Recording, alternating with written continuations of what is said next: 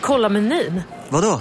Kan det stämma? 12 köttbullar med mos för 32 spänn. Mm. Otroligt! Då får det bli efterrätt också. Lätt! Onsdagar är happy days på IKEA. Fram till 31 maj äter du som är eller blir IKEA Family-medlem alla varmrätter till halva priset. Vi ses i restaurangen på IKEA. Ja? Hallå? Pizzeria Grandiosa? Ä Jag vill ha en Grandiosa capriciosa och en pepperoni. något mer? Mm, kaffefilter. Ja, Okej, okay. ses samma. Grandiosa, hela Sveriges hempizza. Den med mycket på. Dagens vinnarprognos från Postkodlotteriet. Postnummer 65209, klart till halvklart och chans till vinst. 41101, avtagande dimma med vinstmöjlighet i sikte. Övriga 10 500 postnummer soligt och möjlighet att vinna. Oavsett när sommaren kommer till dig så kan du och dina grannar få dela på 48 miljoner i sommaryran. Ta chansen nu i maj på Postkodlotteriet.se. Åldersgräns 18 år. Kontakta stödlinjen om du eller någon anhörig spelar för mycket.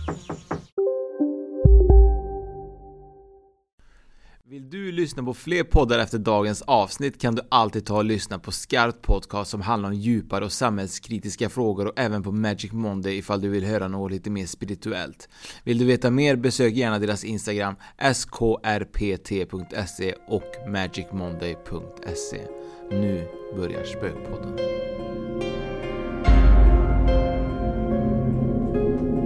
Ja, då var vi på plats igen i poddstudion. Mm, poddstudion. Det är kul ju att kunna säga poddstudion. Ja, vi har ju ett helt eh, hus till vårt förfogande mm. faktiskt. Det är lite kul faktiskt när man eh, kommer hit för det blir ju som att man eh, escaped eh, liksom själva vardagen för att eh, spela in och göra lite, lite kul. Från det vanliga man gör vanligtvis.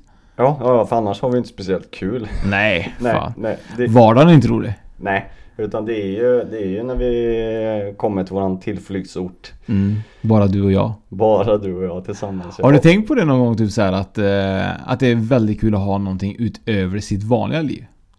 Ja, det har jag gjort. Det har jag verkligen tänkt på. Och det, det ger mycket. Det ger jättemycket. Ja, så man, man lever för de här eh, stunderna och researchen och Dels när du och jag träffas och kör egna avsnitt som vi gör idag och även eh, när vi träffar eh, våra gäster. Mm. Det är ju häftigt och man lär sig mycket. Ja, och sen tycker jag typ så att nu när man är vuxen ju så känns det lite grann så att ens vardag, de, eh, många kanske kan eh, känna igen sig, då blir det ju oftast det, det, är ju familjen och det är barnen och det är hit och dit och det ska köras och det ska vara det och det andra. Och man har väldigt tid, alltså man har väldigt lite tid för att göra något annat som man kanske känner själv liksom ger dig mervärde förutom Många säger så, nu säger Oskar inte familjen mervärde, men det är inte det jag menar. Men mervärde liksom, alltså egen tid. Ja, nej men det är, det är ju det som är det här familjepusslet tänker jag. Just att få ihop tiden och verkligen ta sig tid för egen tid. Mm. Det är ju superviktigt just för att man ska orka med familjen. Ja men det är, det är verkligen så. Det är ju verkligen så. Man behöver egen tid för att orka med familjen. Ja. För att det är nog väldigt viktigt att man får liksom bara sina... Även om det bara kanske var, ibland kan vara 20 minuter i soffan helt tyst. Ja, det är ju ljuvligt. Är, det är inte ofta man är ensam hemma.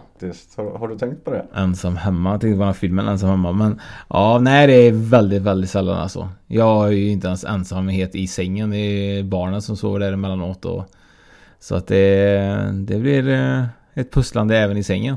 Ja, det låter bra men det där får du styra upp. ja, ja, det kommer. Men nu är det så här, nu har jag kommit till den punkten där jag känner att min dotter har blivit så pass stor nu.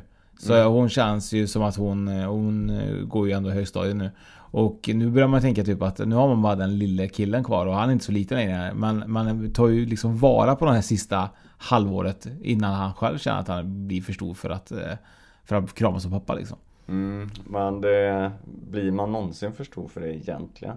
Nej jag vet inte men du ligger väl inte myser med, med far din i dagens läge hoppas jag. Nej det gör jag inte. Men det är ju bara för att det är Corona. det är bara Nej, det. Då, men det är klart att man ger sin farsa en kram. Ja, ja. ja. Men man ligger inte kanske liksom kram, kramas i soffan liksom som man kan göra nu till en liksom mysig film liksom. Nej, det var, det var många år sedan jag gjorde det faktiskt. Mina barn är ju lite äldre än dina mm. är också. Så att, eh, men det, du har helt rätt i att man måste ta tillvara på tiden. För det Jag menar jag och Anna vi har ju fem barn då.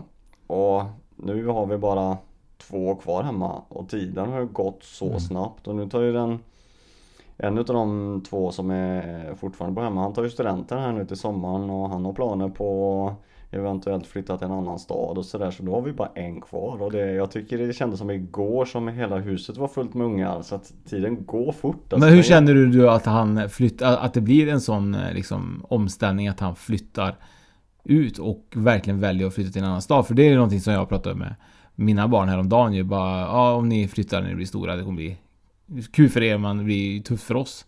Att kanske inte träffas lika ofta som man gör idag, som är så himla enkelt. Ja. Har du ångest för det? Nej det har jag inte. Nu har jag... Älskar du inte dina barn menar? Nej, nej jag gör inte det. jo det är klart jag gör men nu, man har ju fått öva lite nu. Vi har ju tre barn som redan har flyttat hemifrån och Mm. bor i egna lägenheter. Nu bor ju inte de jättelångt ifrån oss så att eh, det är ju enkelt att träffas. Men det handlar väl lite också om vad man är van vid. Då, när jag vet ju när jag flyttade hemifrån min eh, första, ja man flyttar bara hemifrån en gång kanske men Ja, inte alla. Man kan flytta Nej hem men man kan ju flytta hem igen men då, då vet jag att då bodde ju mina föräldrar i Stenungsund och jag flyttade till Uddevalla Det är ju inte jättelångt men eh, det gjorde ju också att man inte träffades alls lika ofta som man gjorde när man, när man bodde hemma såklart och sen så flyttade jag till Göteborg och, och så så jag har alltid haft en eh, någon timme till mina föräldrar eh, minst Mm. och jag är ju van vid det på något sätt eftersom jag hade det så när jag flyttade hemifrån en gång i tiden och jag tror lite det Det är vad man Vad man själv har för erfarenheter Där Mm. jag hade säkert upplevt det annorlunda om jag hade Flyttat till egen lägenhet eh, två, två, tre kvarter bort från mina föräldrar för då hade man säkert hängt där och sprungit över med tvätt och allt sånt där möjligt men Ja, det är klart. Det hade underlättat också även ens ungdomliga liv. Ja. Om man kunde bara skicka kalsongerna till mamma. Exakt. Nu blev det ju så att jag fick ju köpa nya kalsonger varje dag istället Du kunde inte ens tvätta. Och det sjuka är att jag är Nej. fan inte bra på att tvätta alltså. Jo då, det kunde jag allt så det, det har inte varit några större problem med. Nej, nej, vi ska ju inte prata om eh, flytt och eh, barn som flyttar hemifrån. Men det är säkert eh, många som, eh, som tycker att de här sista åren eh, med barnen innan de flyttar hemifrån är lite ledsna. Ja, men det är klart att det, det blir ju en jättesaknad. Det blir ju tomt som sjuttsingen. Mm. Det blir det ju. Så att, eh, men men. Ja, vi har ju varandra Fredrik. Vi har det. Vi har varandra. Ja. Vi ska ju prata om eh, lite andra saker än det som sagt och eh, vi ska prata om lite mystiska platser ju. ja, det ska vi göra. Och ganska olika platser också. Olika länder och spännande platser. Ja, alltså de är ju inte kanske så mystiska så det gäller eh, spök, spökliga men eh, det finns säkert spöken där och lite annat. Men eh, det är ju mest eh, platser som har eh, en historia bakom oftast. Ja, ja men det har de ju. Och det är klart att spöken finns ju överallt. Ja, Ja, det, gör det det. brukar vi säga ibland när jag åkte med Anna förr i tiden när man bara såg liksom ett litet övergivet hus ju. Jag bara, åh, åh det måste det spöka i. Men det är inte säkert bara för det ser liksom ruttet ut att det spökar. Men min liksom hjärna säger typ att där spökar det för att det ser så himla förruttnat ut liksom. Ja, men det är ju det man har blivit inpräntad med. Att allt som ser lite otäckt ut är spökar. Ja, det är Så verkligen är så. Eh, vad har du för eh, roliga ställen då? Jo men jag har eh, Bland annat har jag En av Englands största sevärdheter. Och det är beläget på ett fält 12 kilometer nordväst om staden Salisbury. Eh, och det består utav Stora höga stenpelare som är resta i en ring med överliggande stenblock. Och detta gör att det här monumentet ser ut att bestå utav portaler. Och det är ju naturligtvis Stonehenge jag pratar om. Mm. Det måste väl vara ett av de mest omtalade stenarna som finns i världen.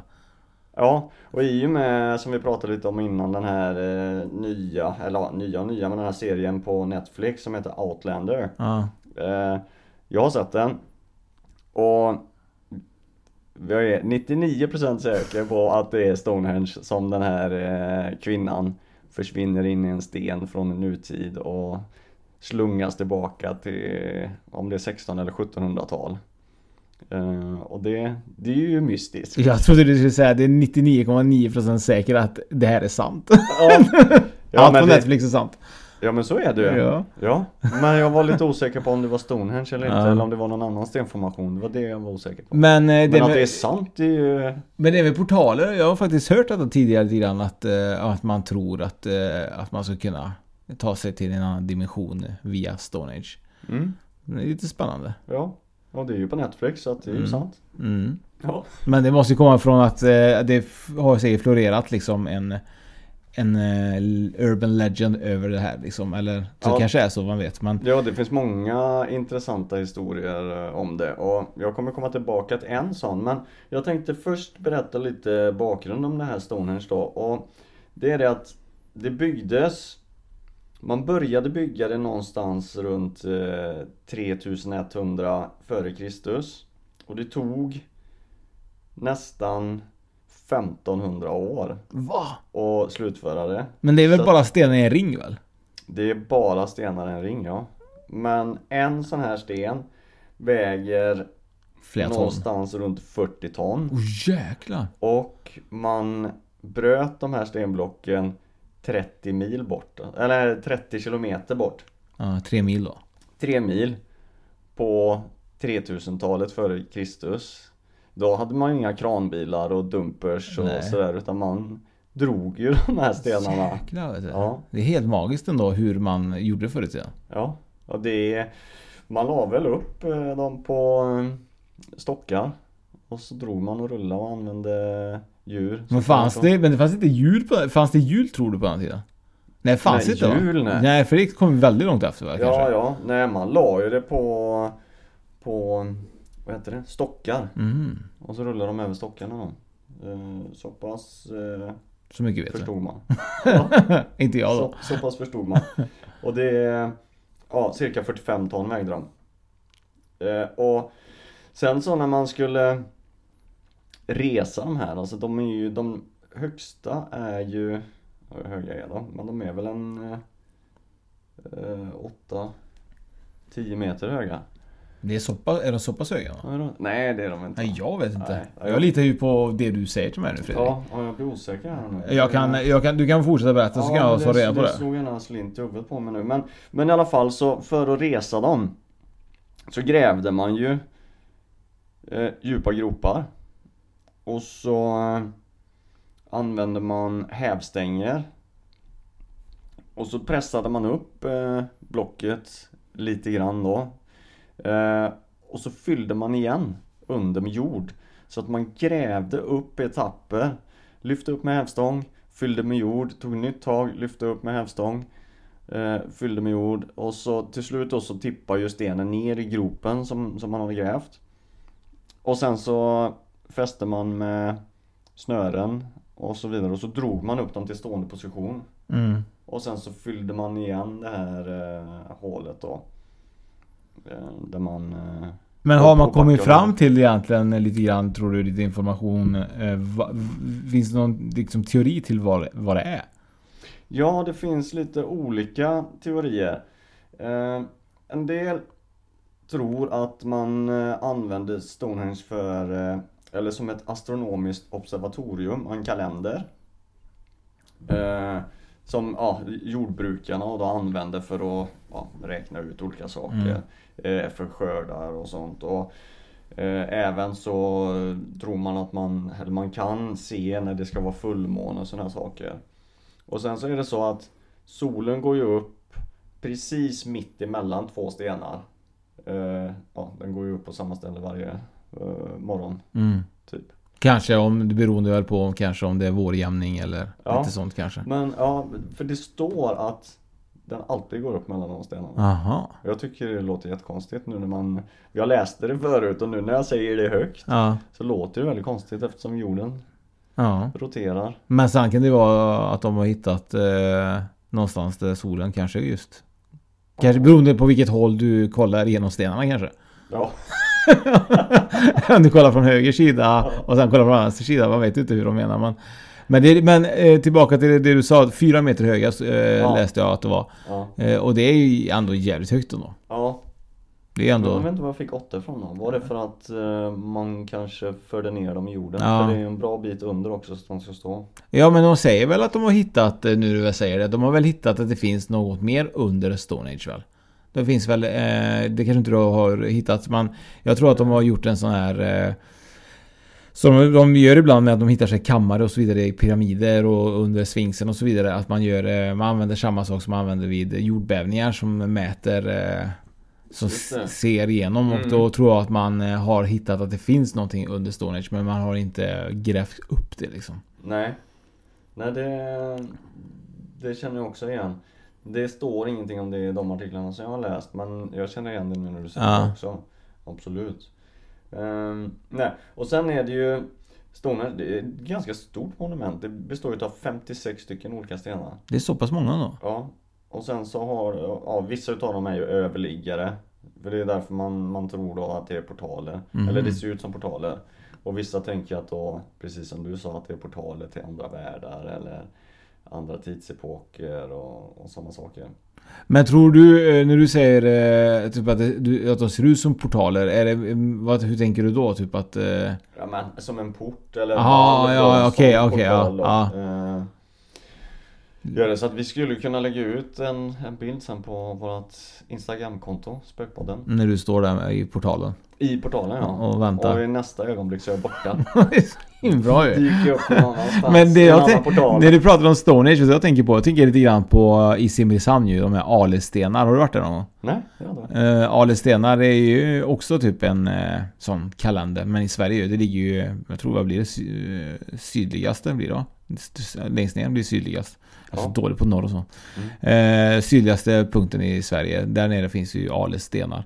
Typ Smygehuk någonstans. Ja. Är det- jag tänkte säga något när du säger sådana fula ord. jag, nej men jag allvarligt, det är, men är inte det Sveriges eh, Jo men det ligger väl åt det hållet. punkt? Jo men det kan nog vara, det kan nog stämma. Och där var jag faktiskt för några par somrar sedan med eh, familjen och eh, Det var väldigt, väldigt mysigt. Eh, men där finns det ju sånt. Och det handlar ju också om just det här med kalender. Mm.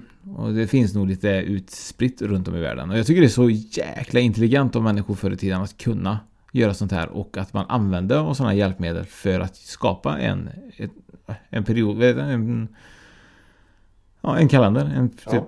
vår sommarkalender som man vet eh, tid och ja, helt galet. Ja, det är häftigt. Det är jäkligt spännande. Jag fattar inte hur människor kunde vara så smarta. Nej. Om man jämför med dagens läge så finns det många som är smarta men, men det är väldigt eh, liksom, man är inte lika kreativ på samma sätt.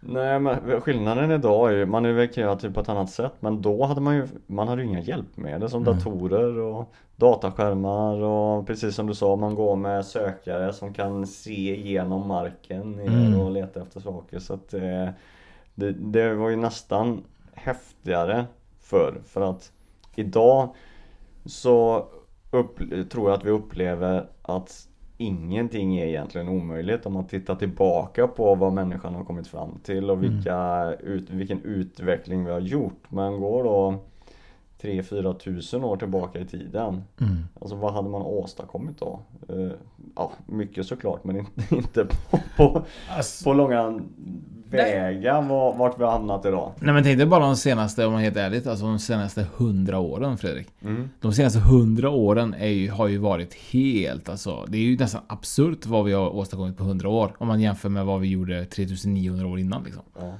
Det är datorer, mobiler, kameror i mobilen, det är allting. Snart det finns typ så här svävande tåg som går på typ magnet och... Det, you name it, det finns typ det mesta ju. Mm. Och, Ja, det det. och vad hände egentligen? Vad, alltså det känns ju som att vi fick någon slags push på vägen.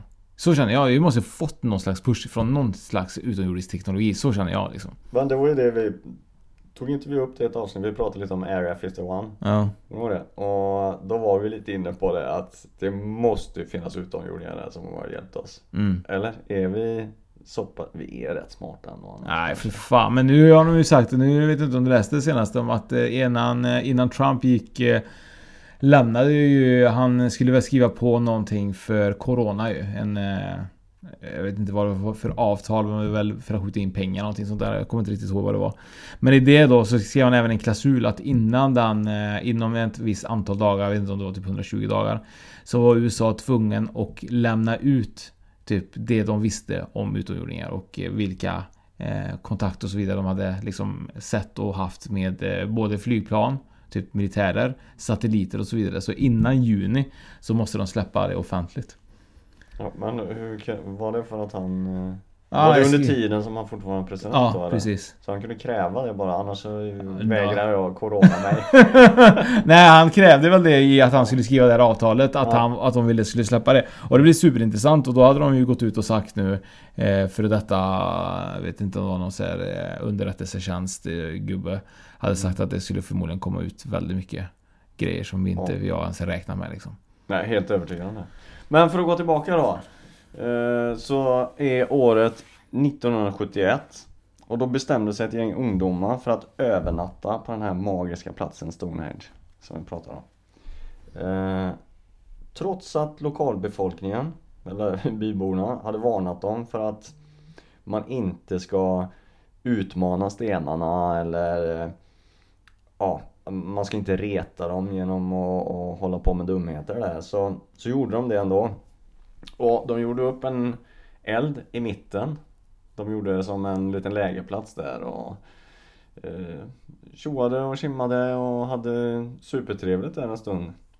Eh, men sen så eh, var det en bonde som ringde polisen. Eh, för att de störde ju lite och sådär. Men eh, innan polisen hann komma dit så bröt det ut ett jätteåskväder. Det började regna och åskan slog och så slog det ner en blixt. Eller ett par blixtar, men en slog ner i mitten av den här ringen då. Och sen blev det dödstyst. Allting bara eh, åskvädret och regnet och allting, det la sig bara. Eh, och sen så kom ju polisen fram då. Och alla ungdomarna var borta. Och man har inte hittat dem än idag. Nej vad fan är det? Jo, det, det det är säkert. portaler alltså? Ja. Nej, det- jag tror det är sant alltså? Vilket år var detta? 1971. Så du menar att det var ett par ungdomar som var på typ såhär stoja och hade lite, ja, lite trevligt, lite festligheter Mm, och sen sova, de, de skulle slå läger och sova där över natten. Och helt plötsligt så blev det storm, blixten slog ner. Mm, två gånger slog den ner. Två gånger slog den ner och sen dess har man inte hittat de dessa ungdomar. Nej. What? Och, och man hörde riktiga sådana här hjärtskärande otäcka skrik uppifrån kullen då, för det är ju en kulle. Ja. Fy fan vad läskigt. Ja, håret reser sig på armarna. Undrar vad fan, det måste det ju vara så att den jävla blixten skapar så att de flög in i en jävla dimension. Nu svor jag men vad fan, nu eh, måste det ju varit så. Eller vad fan hände liksom? Ja, det är ju det. Ja, det är som om man frågar ortsborna där då i, i byn Så svarar de det att det är bara stenarna som vet. ja, de gör det. det är bara sten va, som vet. Ja. Fan vad läskigt ändå. Ja, eller hur? Det är ju superspännande. Fan, det hade ju nästan eh, velat åka och göra ju. Tänk att åka dit och verkligen köra samma, samma grej som de gjorde och så filma och dokumentera det här. Ja, men jag tänker att eh, det får ju bli nästa grej för oss egentligen. Att vi åker till Stonehenge. Vad, vet du, ligger det långt ifrån... eh, Är det långt ifrån London vet du? Att det, eller ligger det någonstans? Jag vet inte ens var det ligger Stonehenge. Ja, det ligger ju i England. Men eh, du vet inte riktigt var. 12, 12 kilometer nordväst om Salisbury. Mhm, Precis där. Exakt ja. Nu vet jag exakt var du är någonstans Fredrik. Ja, vad bra. Men helt sjukt ju. Vilken historia. Det hade jag ingen aning om. Nej. Det... Det är inte säkert att det här är någonting som du har typ här sett i den serien Outlander nu från, från Netflix och så typ trott att det, att det är sant. Nej nej, så är det inte. För det är inte det som händer i Nej, Outlander. Du, har okej. ju inte, du har ju inte sett den som Nej. du sa. För i Outlander så är det ju en... eh, Jag tror att det, det är en kvinna som... eh, Jag vet inte varför hon åker dit. Jag tror bara att hon vill... eh, Hon åker på semester gör hon. Och så... Men där är nog också, det regnar och åskar där också i det avsnittet. Och, men hon lutar sig mot stenen tror jag. Kanske inspirerad ifrån Hon den är- historien. Ja det kan det vara. Det, det vet jag inte. Men jag tror att hon, har för mig att hon lutar sig mot stenen i någon scen där och så försvinner hon bara.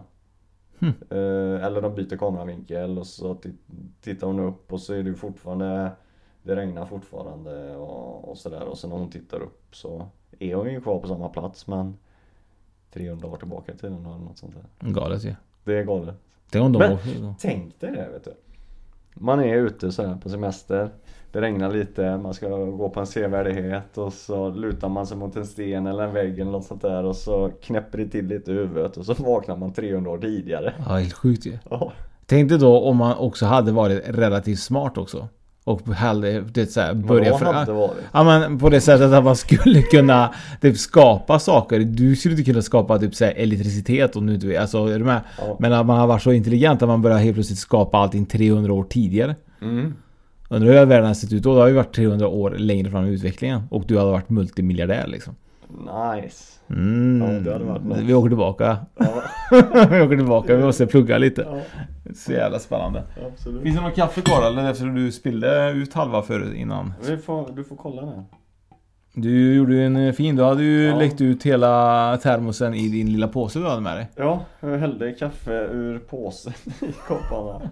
Ja, det är märkligt. Jag, jag trodde faktiskt att den höll tä tätare än vad den gjorde. Tätare? Mm, men det gjorde inte. Den hade vält i påsen där. Det var ju lite synd. Så att, eh, men ja. Så det, det var lite om Stonehenge då. Kul! Ja. Jag har ju egentligen lite olika saker också. Och eh, du tog ju Stonehenge. Jag tar också faktiskt en eh, ganska känd eh, plats som jag tror att de flesta kanske känner redan till från tidigare ju. Och det är ju Paris katakomber ju. Har du någonsin varit i Paris Fredrik? Jag har varit i Paris. Har du då besökt eh, Paris katakomber? Nej, inte, ka- inte katakomberna men jag, eh, för hundra år sedan känns det som nu så var jag och tågluffade med ett par kompisar.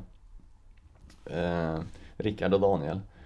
Och vi eh, var i Paris och det vi gjorde där då, vi var ju på, på Louvren och kikade där såklart och gick runt, jag var vi en eller två dagar i Paris bara tror jag.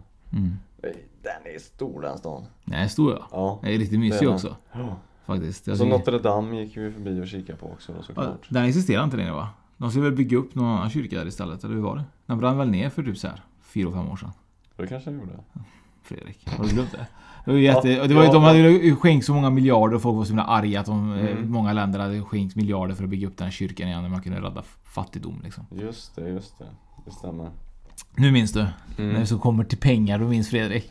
Ja precis, nej jag behöver, jag behöver lite mer bara Ja, då kan jag börja med just det här med Paris katakomber och eh, historien om katakomberna börjar redan i romarnas tid.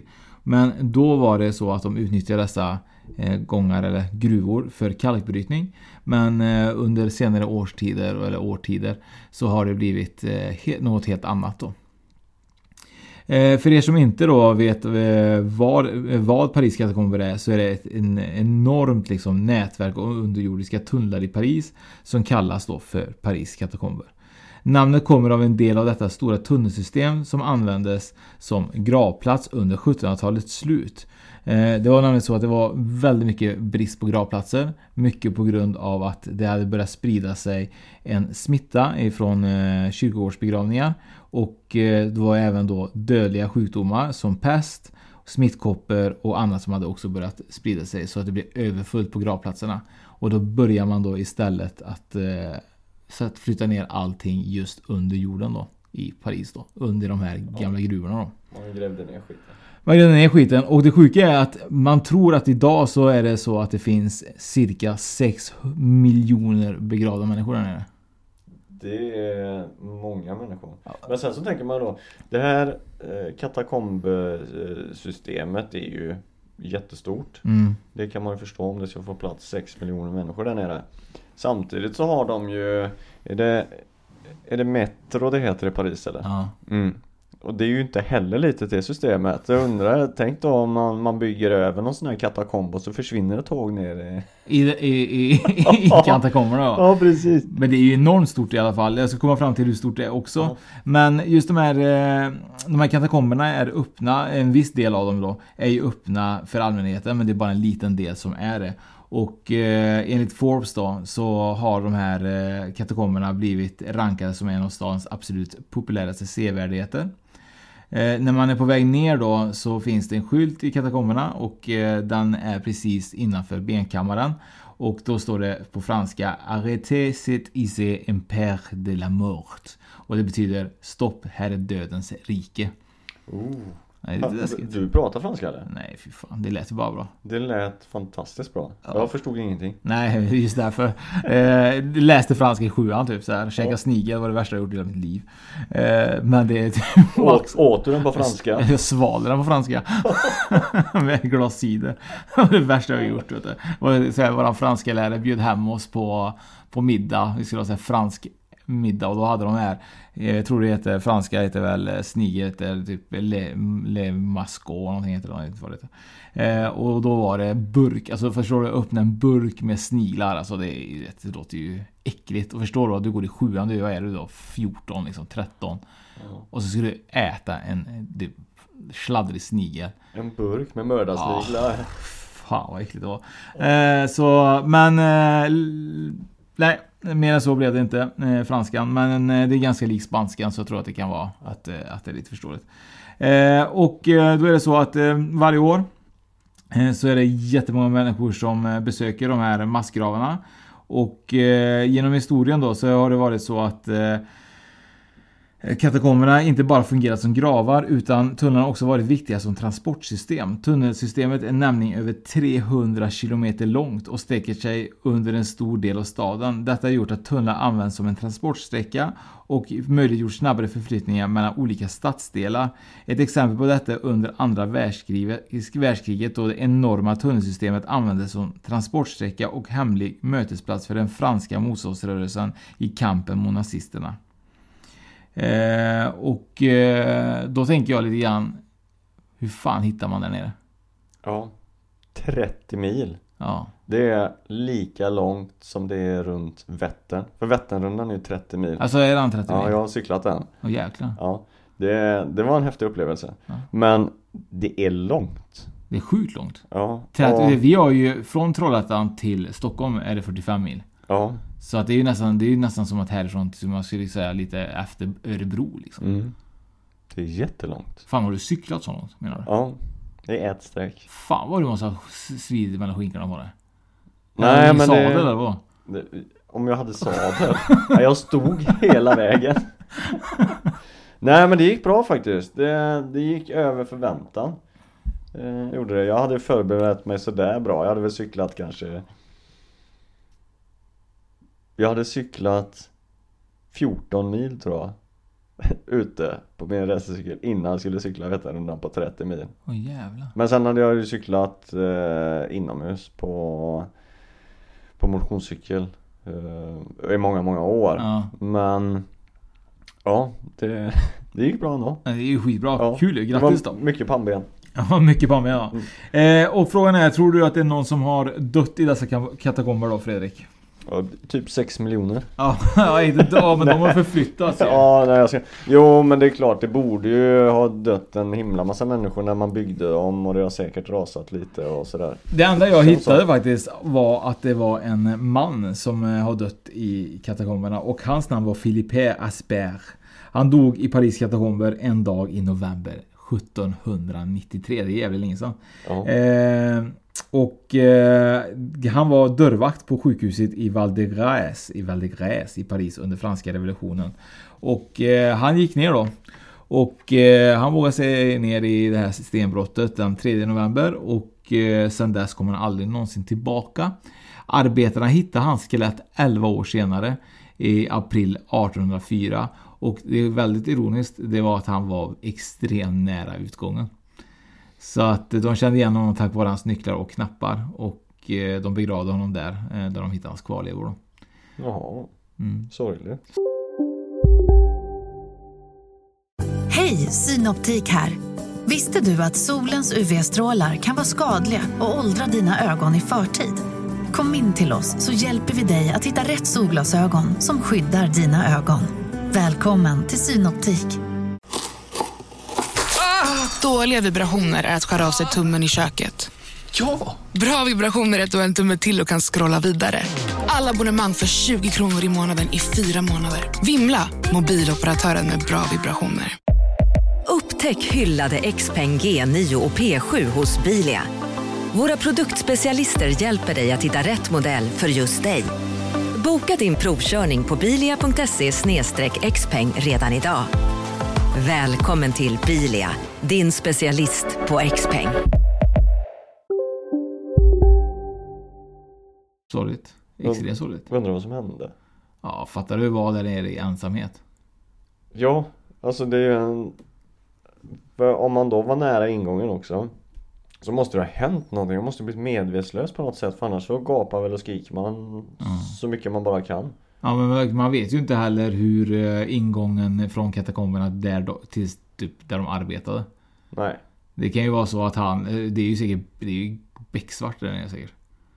Ja, ja, det lär det vara Det finns ju en historia om en tjej som eh, jag tror, jag vet inte, nu kan jag säga fel, men det är Odense. Odense, vet du var det ligger? Rumänien va? Eller? Kan det vara Litauen? Kan det vara? Det är väl något sånt land. Och där finns ju också sådana här tunnlar. Och där var det någon tjej som hade kommit ner under jorden för att eh, de hade väl sagt eh, till eh, de säger till barnen i det området att man absolut inte ska ner i de här tunnlarna men folk gör det ändå för att de tycker det är Det är kul. ju och, därför man gör det, fast man inte får Ja, allt man inte får. Ja, Gå ner och lek i katakomberna Ja men får vi det är det inget kul Mycket kul var det. Ja, men då hade de gjort det i alla fall och då hade de ju haft en fest och hon hade väl varit ganska full vad de förstod då. Men eh, så skulle de ju lämna den här festen allihopa och de hittade inte henne så de tänkte väl att men hon är ju säkert eh, gått hem. gått hem. Hon var full och gått hem. Men dagen efter så ringde hennes, hennes mamma vännerna och frågade om, om hon var med dem och de bara nej vi trodde hon hade åkt hem på grund av att hon inte var kvar när vi lämnade. Så de eh, skapade, det blev en jättestor liksom eh, Alltså, vet du det? Typ Missing People Ja, Missing och- People och grejer och leta i de här katakomberna och så vidare. Men de hittade inte, de letade hur länge som helst i flera veckor. Och eh, sen då så tror jag att det går cirka två år. Så är det några killar som är där nere och bara promenerar och grejer som ungdomar kan göra. Och då hittar de hennes kropp då. Eh, liggande där i, och man ser typ att hon har typ krälat. Och väldigt länge tills hon verkligen, eh, hon, hon krälar verkligen sista hon gav verkligen allt för att hitta ut liksom. Mm. Och hon bara dog på plats. Hon hittade aldrig ut därifrån. Fy fan vad hemskt Nej, det var så Skräck. fruktansvärt. Ja, det är fruktansvärt. Ja Det är ju läskigt att vara under jorden tycker jag. Ja det är det Men jag har varit, eh, har du, har du varit i någon, någon sån här ställe? Jag har varit i Falu koppargruva heter det va? Där kan man ju åka ner, eller är det Sala? Sala? Sil, silvergruva Nej, men, kan vad man, gjorde du vilken, där? Men det är ju någon sån gruva, jag kommer inte ihåg vilken men eh, som man kan åka ner i Då får man hjälm på sig och så Får man åka hiss ner och så går man någon sån där rundtur Jag vet inte, vad kan det ha varit? 10 8-10 år kanske var med föräldrarna Det tyckte jag var skithäftigt Mm, men då var du vet, man är 8, 9, 10 så är man inte lika medveten om alla risker som finns Ja oftast. men det var ju svinläskigt Ja, ja, men samtidigt så tycker jag att det är kul. Så nu hade de sagt till mig att du ska ner i den här gruvan som är typ 200 meter under jorden. Så börjar jag ju tänka typ så här, ja det här systemet, hur fan säkert är det här liksom? Fan, det är ett litet rep runt... eh, Det är stensäkert Ja, det är verkligen. Nej, fy fan. Eh, har du något mer då kul att berätta då? Ja, men det har jag. Jag har eh, Vi snackar, vi har ju pratat om eh, Horska Ja. eh, Och där fanns ju porten till helvetet Mm. Var det inte så? Jo, det sägs ju i alla fall det. Ja, men nu har vi hittat eventuellt eh, en ny port till helvetet här Mm, spännande. Som ligger i Turkmenistan Mm. Det är en bit bort Det är en bit ifrån stan. Ja Och Där finns det ett hål Som ligger mitt ute i Karakumöknen eh, Eh, och det är ett område som har väldigt stora tillgångar på naturgas. Och det är därför man eh, säger att det ska vara dörren till helvetet då. Och det här bildades 1971 eh, Efter det att en sovjetisk oljerigg ramlade ner i en kollapsad krater. Man har ju byggt upp en oljerigg där då För man vill utvinna naturgas och olja och sådär. Men så gick det ju fel i bygget. Eh, så att det rasade ner allting. Och för att få bort oljeriggen så var det ju en eh, en geolog där som tänkte att eh, hur blir vi av med det här på bästa sätt liksom? Jo, då gör man ju så att då tänder man ju eld på det så eldar man upp det. Och då trodde man ju att Ja, det kanske brinner 3-4 dagar, någon vecka eller två max. Ehm, det här var alltså 1971 och det brinner fortfarande Jäklar, så det är 40 år efter. Aj, Eller vad blir alltså. det? Det blir det va? Ja, det är ju mer Ja. Det är ju sjukt. Jag är född 45 och jag är ju 40... Är du född 45? 75. Du sa jag är född 45. Jag är inte 45. 75. Jag är född 75, då är jag ju 40... Hur gammal är jag? Ja, 46. 46 ja. Ja men det är cirka 40 år då. Så att, eh, 50 blir 50 det då. blir det, ja just det, det var åt andra hållet ja. Just det. Ja det är sjukt Helt att det, magalöst. Men hur, hur fan kan det brinna så länge är fan frågan alltså. Det, det läcker ju gas där. Ja men hur, tar aldrig gasen slut? Det är ju det. Nej, eller hur? Det är dörren till helvetet. Det är därför i helvetet slutar det aldrig brinna. Nej, Nej. inte förrän vi kommer för att frysa då. Ja. Vi är jävla coola alltså. Ja, riktigt coolt är det. Nej men det är, det är lite läskigt så att det... Nej. Fyra decennier har det brunnit. Och det kallas dörren till helvetet. Mm, Och varför, varför det brinner? För det, det är ju lite så som du säger att Finns det så mycket gas i det här ja, lilla hålet, det kanske inte är så Nej, men det spelar ingen roll. Men, men du vet så att det har brunnit i så många, många, många, många år. Men så tänker man att man har en gasolgrill så har du ju typ en sån här gasoltub på 10 liter liksom. Ja. Den kan du ändå grilla hela sommaren då. Tänk dig då om du har... Ja men det beror på hur mycket man grillar. Jag gör av Ja. Jag har den här stora, det finns ju två storlekar. Ja. Jag har den stora och jag har ju slut med en sån. Jag får töm, fylla på den i halv, den halva sommaren har gått. Okej, men om vi räknar typ så att ändå liksom så här, säg vi skruvar upp den och har på den dag och natt. Mm. För det grejen är typ att jag tror att jag hade glömt att stänga av min gasolgrill. mm, Någon gång när jag hade typ, säg då, knappt halva. Mm. Du vet, eh, vaknade typ dagen efter och hade gått ett par timmar, den var ju tom liksom. Mm. Så tänk då då att den här är, den släpper ju gas hela tiden. Och Ja. gjort det i 50 år. Ja. Någon gång känns det som att det måste väl ta slut. Ja. Det är fan Men, läskigt. eh, Vad- vad- vad- men det är så sjukt också att det finns gas under jorden som, som... Eller är det gas ifrån den här riggen då? Eller vad är grejen? Vet Nej du? nej, den riggen det är, det är ju en anordning för att kunna borra. Jaha, okej. Ja. Så att man vill ju, det man ville göra var ju elda upp det som man hade byggt över eftersom det rasade. Men har man inte också, varför för mig, även fyllt det med sand också? Var det inte någon som de gjorde? Fyllde Ja. de Jag jag för mig att de hade fyllt det med massa jävla sand och det hände ingenting heller liksom. Nej, det, det är mycket möjligt att man har gjort det. det. Jag har inte hittat någonting om det. Men man har ju, man har ju funderat på att försöka släcka det. Ja. Men eh, vad jag kunde läsa mig till nu så har man inte gjort det. Stört ju. Ja. Det har varit jävligt coolt att se det live alltså. Mm, det har det varit. Det är som egentligen att se det rätt ner i en vulkan mer eller mindre. Ja, eller en väldigt, väldigt stor majbrasa kanske. ja, ja, det är inte. En vulkan, det sprutar ju Ja, ja. hundra meter upp. Men när de inte, men jag menar alltså när de inte är... eh, Det är som en jättestor fackla. Ja, men jag tänker Ja. typ såhär när det inte är vulkanen kanske är eh, så aktiv så Nej, kanske... ja precis så menar du. Ja men det är klart. Ja. Så det, det är jäkligt sjukt. Jävligt coolt. Mm. Så det är bara lite, en, en liten grej från Turkmenistan. Tror du att de eh, sitter där och grillar på, på helgerna? Jag tänker så här att de ångrar nog att de satte eld på det då för 40 år sedan. För hade de utvunnit all den gasen så hade det varit ett lite rikare land idag. Men jag tänker lite grann så här om då den ligger och brinner i det här hålet. Det står inte hur djupt det här hålet var eller? Jo, sa jag inte det? Ja, det kanske gjorde. Nej, det är en diameter på 70 meter och 30 meter djupt. Ja, så tänker man okej, 30 meter djupt och det brinner konstant. Mm. Känns ju någonstans känns det som att att det är konstigt att det, inte typ så här bryter ner mer.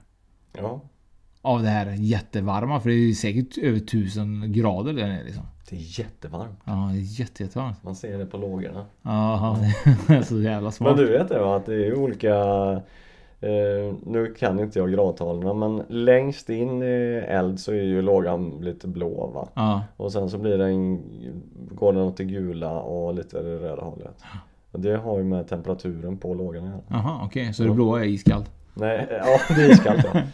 Men, nej, blått är flott. Blått är flott. Mm. Fan, vi har ju kommit en bra bit på vägen nu. Fan, vi, vi tjötar ju på som fan idag Fredrik. Ja men det är ju spännande sånt här. Jag tycker det är skitkul.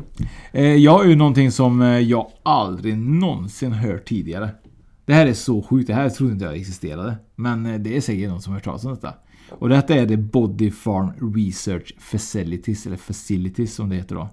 Eh, och det här är ju någonting som jag absolut som sagt inte trodde. Och det är för att man studerar eh, nedbrytning av den mänskliga kroppen. Mm. Och body farm för de som inte kan engelska betyder ju kroppsfarm. Ja, typ, kroppsgård som, eh, kroppsgård. som, som det heter då. Eh, och eh, hur, eh, alltså det här tycker jag är så sjukt. Hur, alltså, hur, hur kan man verkligen gå med på att göra det här? Och eh, jag förstår ju varför. Men vi, människor donerar ju verkligen sina kroppar för att få ligga där och liksom förruttna. För att man ska kunna studera dem. Och eh, för att berätta lite grann då så är det så att dessa kroppsodlingar eh, är just på lite olika ställen i USA. Men det finns en vid University of Tennessee i Knoxville. Och där är det så att eh, rättvetenskapliga antropologistudenter studerar hur miljön påverkar liken och deras sönderdelningshastighet. Och det betyder alltså nedbrytningshastigheten då. Mm. Men det här måste ju vara ett paradis för CSI. Ja, det måste det ju verkligen vara. Ja, snacka om att man lär sig mycket eh, om kroppens nedbrytning och, och just det med eh, ja, inte kriminalitet men just för att Jo. lösa krimfall Ja, och sånt. är absolut. Det är ju helt fantastiskt. Den första kroppsgården då öppnades av någon som heter Dr. William Bass. Och detta var 1971 i Tennessee. Bass, eller Bass då som han heter då, erkände behovet, alltså han eh, kände behovet av forskning om mänsklig nedbrytning efter att polisen upprepade gånger bad om att han skulle hjälpa att analysera organ i brottmål. Mm. Det som började som ett litet område med en kropp har utvecklats till 3 hektar. Och eh, det där finns det ungefär cirka 40 personer vid en sån tidpunkt eh, som max då. Eh, och eh, den här anledningen blev känd efter en, eh, en inspirerande bok skriven av någon som heter Patricia Cornwell 1995 som heter The Body Farm då. Men vet, vet man, eh, nu kanske jag går händelserna i förväg här men hur många kroppar har det funnits där? Hur många är det som anmäler att det, det är ju inte som att donera en njure liksom eller sina Alltså organ. de säger ju i alla fall att det ligger eh, vanligtvis så brukar det doneras ungefär kanske 100 kroppar eh, per år ungefär. Ja.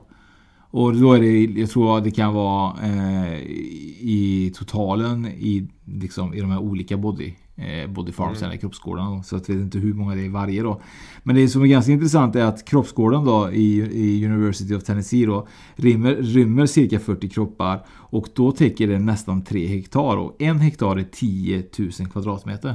Ja. Och så tänker man typ så här, okej man skulle dela upp detta då till att att de här kropparna då ligger delade så har varje del, alltså varje kroppsdel eller varje kropp då har cirka 1000 kvadratmeter per kropp. Men vad jag förstått då så är det så att man behöver inte begrava hela kroppar, man kan ta delar av kroppar också och begrava på lite platser då. Och den här då, kroppsbonden då som, som vi kan kalla honom. Han studerar sönder, alltså nedbrytningen då, under alla slags förhållanden. Det kan vara alltså man begraver dem vanligt. Man kan begrava dem under, alltså under vatten, att de ligger och flyter i vatten under väldigt lång tid. Och även eh, i bilars ko- koffertar då. Eh, och eh, det som är ganska eh, intressant här är ju att då att eh, vissa då till exempel eh, andra kroppsgårdar de eh, studerar även då hur datan är om en kropp ligger och nedbryts i till exempel ökenklimat. Så varje kroppsgård har lite olika funktionalitet eller olika sätt att nedbryta kroppar då. Ja, det beror lite på var de ligger någonstans då. Finns det någon sån här eh, bodyfarm i öknen också då? Så finns det någon uppe i bergen? Ja, ja säkert garanterat. Och i, all, i, i allmänhet då så är det så när en anläggning accepterar en kropp då så placeras den i en kylskåp, alltså ingen större skillnad som man gör i ett bårhus. Kroppen tilldelas sedan identifi ett identifieringsnummer och placeras på en specif- specifik plats på grund, och, eh, på grund av kroppsbund, alltså på grund av eh, ja, kroppsbonden då bestämmer vilken specifik plats de ska ha då självklart. Eh, och varje plats då kartläggs noggrant. Eleverna lär sig hur man behåller eh, en kedja av bevis när man arbetar med kropparna. I ett brottsmål är det absolut nödvändigt av alla som kommer i kontakt med mänskliga kvarlevor att man loggar och hur de har hanterat dem då. Så att eh, inga juridiska frågor uppkommer om bevisets integritet eller eventuella luckor i försvaret då, i brottsmålet då. Kroppen får nedbrytas i olika mängders tid. Då övar studenterna att lokalisera och samla och ta bort resterna från området. Resterna tas in till laboratorium och analyseras ytterligare. När analys- analysen är färdig kan skeletten återlämna till den avlidnes familj för begravning om så önskas. Annars kommer det sannolikt vara kvar i avdelningen i skelettuppsamlingen. Och man räknar med att där idag så finns det ungefär 700 rester av skelett då. Ja men då är det ju 700 Ja. Som har donerat sina kroppar då Ja. Eh, Eller det är typ. om inte de har tagit tillbaka dem Mm, då. ja, just det. Eh, och sen då så är det så att eh, kroppsodlingar täcker kropparna med trådburar då som ser ut som hundsnät då. Och det är bara för att förhindra att präriehundar ska kunna ta delar av kropparna. Då. Ja just det, så man skyddar dem från, från djuren ja. Så är inte det läskigt alltså? Jo, det är det Alltså jag tänker direkt på någon sån här skräckfilm Body Farm Det måste ju finnas någon har, har, Finns Ja, det ingen film om, om det? Finns det säkert. Jag har aldrig hört talas om det. Jag visste inte ens att det här existerade. Nej Men det känns ju mer som att Det kändes ju som att man skulle odla kroppar Ja. inte, inte låta dem brytas ner Men det är klart att, att det får heta så Men det var ju ruggigt intressant Ja. Får, får man någonting för det då eller? Nej. Du är död, vad ska du ha? Jag vet inte. Något till sina efterlevande eller något sånt där. Men jag tänker lite grann som du sa med CSI och så. Jag förstår ju oftast är det ju så att ja, den här kroppen har legat i under vatten i tre månader. Så jag tänkte säga, fan vet de det? Ja, men de har ju varit på Bodyfarm och studerat. Garanterat. Ja. Det är så det har funkat. De har ju allting. De har säkert typ, de har säkert typ så daglig bildtagning på kroppen från dag 1 till dag 365 liksom. Ja. Så de kan se typ så här, har processen gått, ser den ut så kroppen, då, ja, men då vet vi att vi är ungefär i det här stadiet liksom. Mm. Men sen måste du bara vara just på vatten. Det har säkert med temperatur i vattnet också. Det måste Ja. ju gå fortare om det är typ i Medelhavet och det är 25 grader varmt i vattnet än om det är uppe i Antarktis. De är Ja. nästan i, igenfrusen. Ja. Gris. Så det är ju superspännande. Men, eh, Riktigt intressant. Ja, det var nytt och för mig i alla Mm. fall. Det var ju någonting jag, det, som jag sprang på i min research i alla fall. Superspännande. Mm. Ja.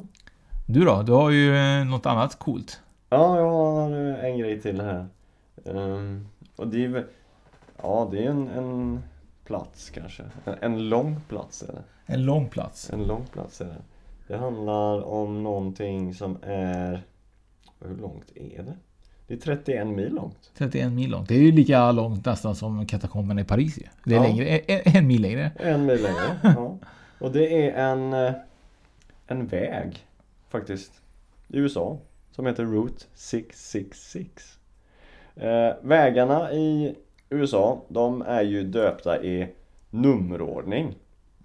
Visste du det? Nu vet jag. Nu vet det. Men det har man förstått nästan för de heter ju alltid Route 66 och Route 66 och, och Route eh, Ja. 44 och... Route 66 och Route 66. Ja. Nej precis, nej men det visste inte jag heller men nu när man eh, har läst lite så förstår man ju det. Att eh, man kanske inte är nummerordning då. Men vi ja, gör väl ja. också det i Sverige typ så här. Ta avfart 48. Ja, om det, ja man num- numrerar avfart och så. Ja, sen har vi ju E4 och E6 och Europavägar och riksvägar och Ja. allt Men det kanske är lite likvärdigt de deras då? Ja. Kanske. Ja. Eller Det- inte. Visst är det så. Eller inte. Nej, så.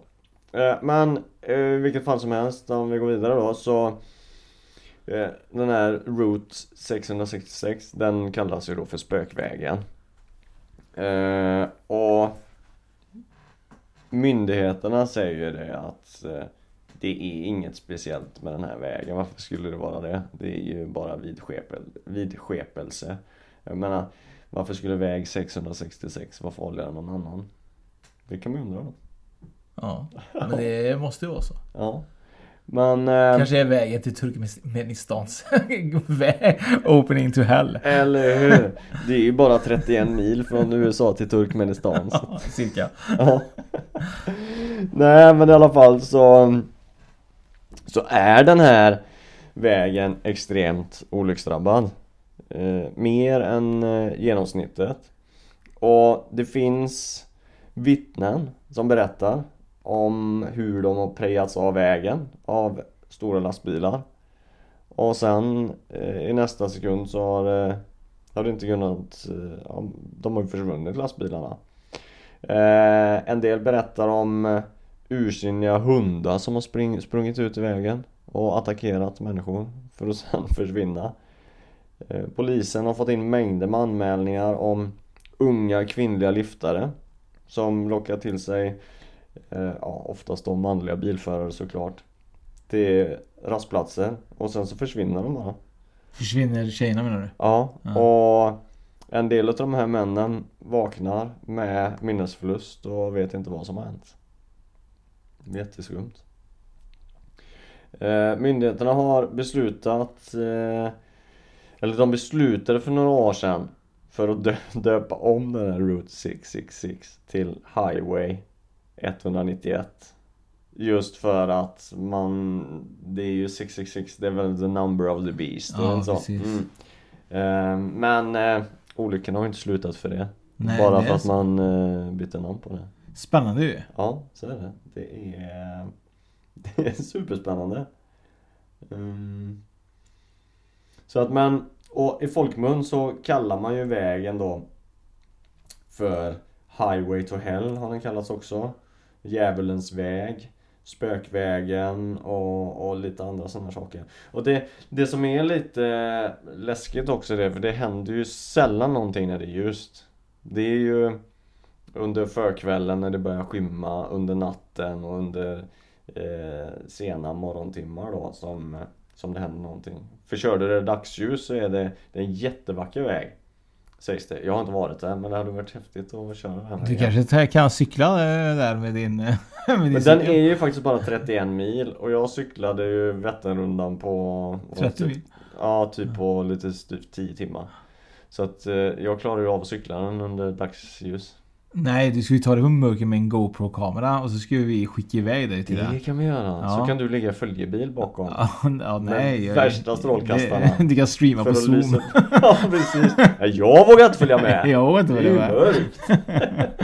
men, eh, men vad tror du då personligen då? Tror du att, eh, tror du att det har någonting med numret 666 att göra eller tror du mest att det är bara ren slump liksom? Jag vet inte Eh, Jag tror att Ja, finns slumpen? Nej, kan, ja ibland kanske. Kanske eller, eller händer saker och ting av en, av en anledning? Är det förutbestämt? Jag vet inte Men det Det är ju spännande Mm. Det är väldigt spännande och, Nej men jag tror att det finns en anledning till varför den Den fick namnet 666 Sen hade de ju inte planerat det Jag tror inte att Att när man byggde den vägen att man trodde att den skulle bli eh, väldigt olycksdrabbad eller något Nej. sånt där och så tänker man nej men vi ger den det namnet för här kommer det ske olyckor Nej, det är väl lite så. Nej det tror jag inte Så att, eh, nej och sen så har man sett eh, ansiktslösa liftare och eh, bilar som inte haft några förare Som har kört av sig själva och häxor och Sen, alltså det, det finns ju massa skrönor om det här Mm. och att det har landat ufos på den vägen och, och sådär så att det, det är ju Det är ju lustigt Och det är många lastbilschaufförer som har kört där som har eh, rapporterat eh, många av de här sakerna. Det... Men det, det känns ju, många är nog bara typ så att de är trötta och så råkar de se en chaufför och så ser han ansiktslös ut eller du vet. Det är lite svårt kanske att det hade varit väldigt konstigt ifall det åker liksom en, eh, en nyare bil förbi en ansiktslös förare. Det känns ju lite så här. Ja, men, ja precis, sen kan det ju, det kanske är en Tesla Ja. som har eh, sån här navigation som har lagt sig ner bara. Man Ja. vet att här finns inga gatkorsningar, ingenting Nej. på 31 mil, då kan jag sova en timme liksom. Ja, gött. Bilen bromsar och gasar av sig själv. Min eh, kompis har ju en Tesla och eh, han har ju fått testpaket i två veckors tid ju på sin Tesla. Annars kostar det typ 60 000 kronor att låsa upp tror jag. Jag vet inte om det är typ engångskostnad. Men han kan till exempel eh, säga då att han, säga att han går ur affären med sina påsar. Då kan han bara säga till sin telefon eller till sin bil då via telefon att han ska hämta upp honom. Och då åker ju bilen från parkeringen och så åker han till honom. Det är sjukt alltså. Det, är- det är häftigt. Det är Helt, jag tycker det är så läskigt alltså. Det är magiskt. Ja men det är läskigt. Ja, det är det. Det känns ju inte som man kan lita på en, alltså, på en bil utan förare. Varför inte? Nej men jag förstår ju typ Nej, att men det ska ja, ju gå men, visst, men, men det jo. känns så, det känns så teknolo alltså teknologin i framkant med när man växte upp. Du vet, så här, ändå om man är 80-tal så har man ju kollat tillbaka till framtiden och att ah, shit, det, tänk om det är så här. Du vet, så här. Men det känns ju fortfarande så väldigt futuristiskt tycker jag. Ja men det gör det. Det är som att kolla på Knight Rider med David Hasselhoff du vet. Oh, Ja. Vilken bra serie. Och tänk då när du kollar på den och tänkte ja, Kit, ja, och tänk då när du tänkte på Kit typ såhär, det kommer aldrig kunna, alltså tänk dig ha en sån bil, du tänkte så, tänk att ha en sån bil. Bilen snackar. Och åker till dig. Ja. Och nu är du där. Nu är du det. Jag har kört Tesla. Ja. Och den bilen som jag körde, och den hade ju det navigationspaketet. Och det är läskigt. Ja, jag kan tänka När man det. startar den och sitter, för den styr ju själv. Ja, han gör det. Och den eh, tar hänsyn till bilar framför och sånt där. Det, det är super scary är det. Mm. Sen vet jag inte, det kanske handlar om att lite kontrollbehov också. Man är van vid att alltid kontrollera bilens rörelser Ja. och så sitter man bredvid, eller bredvid sitter man inte, men man sitter ju fortfarande bakom ratten men eh, Du bara tar passagerarsätet. Ja precis, jag hoppar bak och lägger mig i baksätet. Eh. Så nej men, för att gå tillbaka till eh, vägen då. Highway 191 som den heter numera då. Så är ju, man tror ju det, eller en del säger det att, att det har varit en helig plats eller att det ligger heliga platser utmed den här vägen.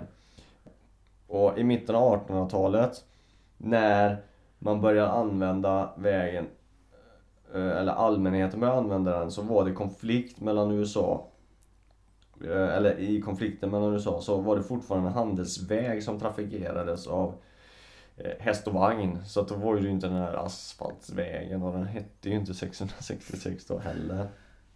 Men allt eftersom man byggde och, och man förstörde den här gamla vägen då så tror man att man retade eh, de- den här, för det var ju andliga platser då eller de andarna eller de som var där då. Att det är de som ger igen på något vis nu då. Okej, Så- så de hämnas på, på folket nu då? Ja, inte schysst. Nej. Nej. Man ska väl inte hämnas på folk? Nej, jag tycker det är, det är taskigt. Och det är ju de här, vad heter det, Navajo. Navajo-indianerna. Ja. Ja. Det, är, det är de som... eh, Det är väl de som även har gett egentligen eh, den, eh, par, den farmen, du, Skinwalker Farm va? Som också har skapat en, de gjorde väl en en förbannelse över den delen. Och det finns ju Mm. jättemycket av historier om det här Skinwalker farm, farm, farmen. Ja, det är också superintressant Ja. just med indianer och deras andlighet och det är fascinerande. Det tycker vi ska prata om då. Ja, det får vi göra. Verkligen. Det vill man grotta ner sig i extra mycket. Det är lite roligt att du säger det för att det, enligt sägnen så kan det vara en skinwalker Ja, eller ai naldulci som, den är, som de även kallas. Och de kan ju förvandla sig till människor. De kan väl förvandla sig till egentligen vad jag förstår till alla slags djur tror jag. Mm. Även vargar Ja. och allting sånt där. Ja, och de, de här skinwalkersarna, de är ju en blandning av häxa eller medicinmän. Som, och de har bara en enda uppgift. Och det är att sprida ondska. Sjukt. Ja. Så det... Mm. De vill man inte komma i kontakt med. Nej, det vill man inte. Det vill man inte. Och det finns hur mycket information som helst om den här vägen. Så vill man läsa mer om Route 666 så skriv in det på Google bara. Spännande ju. Mm. Nu har vi ju egentligen... Eh, ja, om fyra sekunder så har vi ju kört i en timme. Ja, tiden går så fort när vi håller på med det här. Ja. Jag fattar inte vad tiden tar vägen. Så jävla kul ju. Ja, det är det. Verkligen. Vi hade ju lite mer att berätta men eh, vi känner väl någonstans att eh, vill man veta lite mer så kan man väl göra det på, på våran YouTube-kanal där du har berättat lite grann om andra mystiska platser. Ja, det har jag gjort. Eh, och det är mystiska platser, ja. Den, het, den heter mystiska platser tror jag. Ja, det det Youtube-klippet. Så att det kan man kika på. Gå in där och det är ju lite kortare om, eh, jag tror det är en åtta platser jag tog upp Ja. i det ena klippet där och så har vi gjort ett par andra också. Mm, där har du bland annat där eh, mumifieringen av alla kroppar i Palermos eh, Ja. Typ kyrka, jag vet inte vad det var. Eller vad det Nej, det är såna här hängande kyrkogårdar. Ja men det är Filippinerna ja. Ja. I Filippinerna. Men jag tänkte på de mumifierande kropparna Ja, som ja, ligger i Italien eller vad det var. Så det är lite blandat Mm. så. Ja, och så har vi Ja, se videon. Se det är lätt Så alltså. vi ska inte berätta allt Nej. Det talande bilder till också så att det är superintressant. Sen får vi faktiskt ta och tacka till alla som, eh, som skriver så fint och eh, peppar och motiverar oss på, på sociala medier. Det tycker jag är fantastiskt ju. Ja, det är jätteroligt. Vi har fått lite sånt nu och det är, det är så tacksamt. Ja, alltså det, det grejen är typ att det är exakt sånt som gör att man ändå liksom motiveras att spela in eh, och åka och träffas och göra saker och utveckla ännu mer. Mm. Just att folk ändå liksom visar sitt stöd. Ja. Även om det är liksom bara i ord, det ger så jäkla mycket. Det gör det. Det gör det verkligen och det är inte allt om det är, Om man gillar någonting så är det supertacksamt och, och Men det är väldigt sällan du vet, alltså grejen är typ, jag tänker oftast på det, folk är ju så snabba ibland på att ge dåliga, negativa kommentarer på Mm. saker. Ja. Eh, positiva känns ju som steget är ju längre till att man väljer att skriva till någon, fan vad bra det här var. Ja, varför, varför är det så egentligen? Det är, är människan eh, pessimist eller? Ja, men jag tror att det är oftast att det är lättare att slänga ut sig alltså, när man tycker det är dåligt Ja, och så men- vill man säga det för att det här fan vad det är sög. Och så, det märker man ju ibland du vet, så här, och det är ju Det är ju helt rätt att göra det om man tycker det är dåligt och man vill då. Man, men ibland kan man, man lägga ner tid på att skapa en YouTube-klipp som är egentligen sju minuter. Man har tagit två timmar och leta efter information och spela in och allting sånt där. Två timmar, det stoppar ju inte det. Nej nej men, men, men, men, men, ja. du med? och så redigering och så vidare och sen, sen släpper man videon så är det typ personer som tummar ner den du vet, så här. och så jag så här okej tumma ner men skriv då vad som var dåligt då om man gärna vill göra Ja, det. konstruktiv kritik är ju det bästa man kan få. Det är det bästa. Mm. Och, och så tänker man typ så här att är det inte bättre då att säga typ så här i, i det läget att ja, men det här kunde bli bättre på grund av det här eller det här tyckte jag inte var bra. Än att man bara tummar ner och så blir man så här, ja, fan jag lade ner fyra timmar på den här jävla videon så är det typ mm, tummar ner. Då får man ju ångest istället för att tänka att typ, vad kul om någon har gjort någonting. Mm. Kul om någon lägger tid för att göra något. Ja exakt. Och det, det är som sagt det är ju valfritt att titta på och följa och jag tänker det att eh, om man följer någon bara för att trycka ner det känns ju också helt meningslöst. Men det finns så många Ja, som gör, gör så, det, tyvärr. Tyvärr. Vi lever i ett sånt samhälle. Men oavsett, vi är skittacksamma för alla som skriver kommentarer, skriver privat och även skriver liksom mail och hela den biten. Eh, vi har ju faktiskt eh,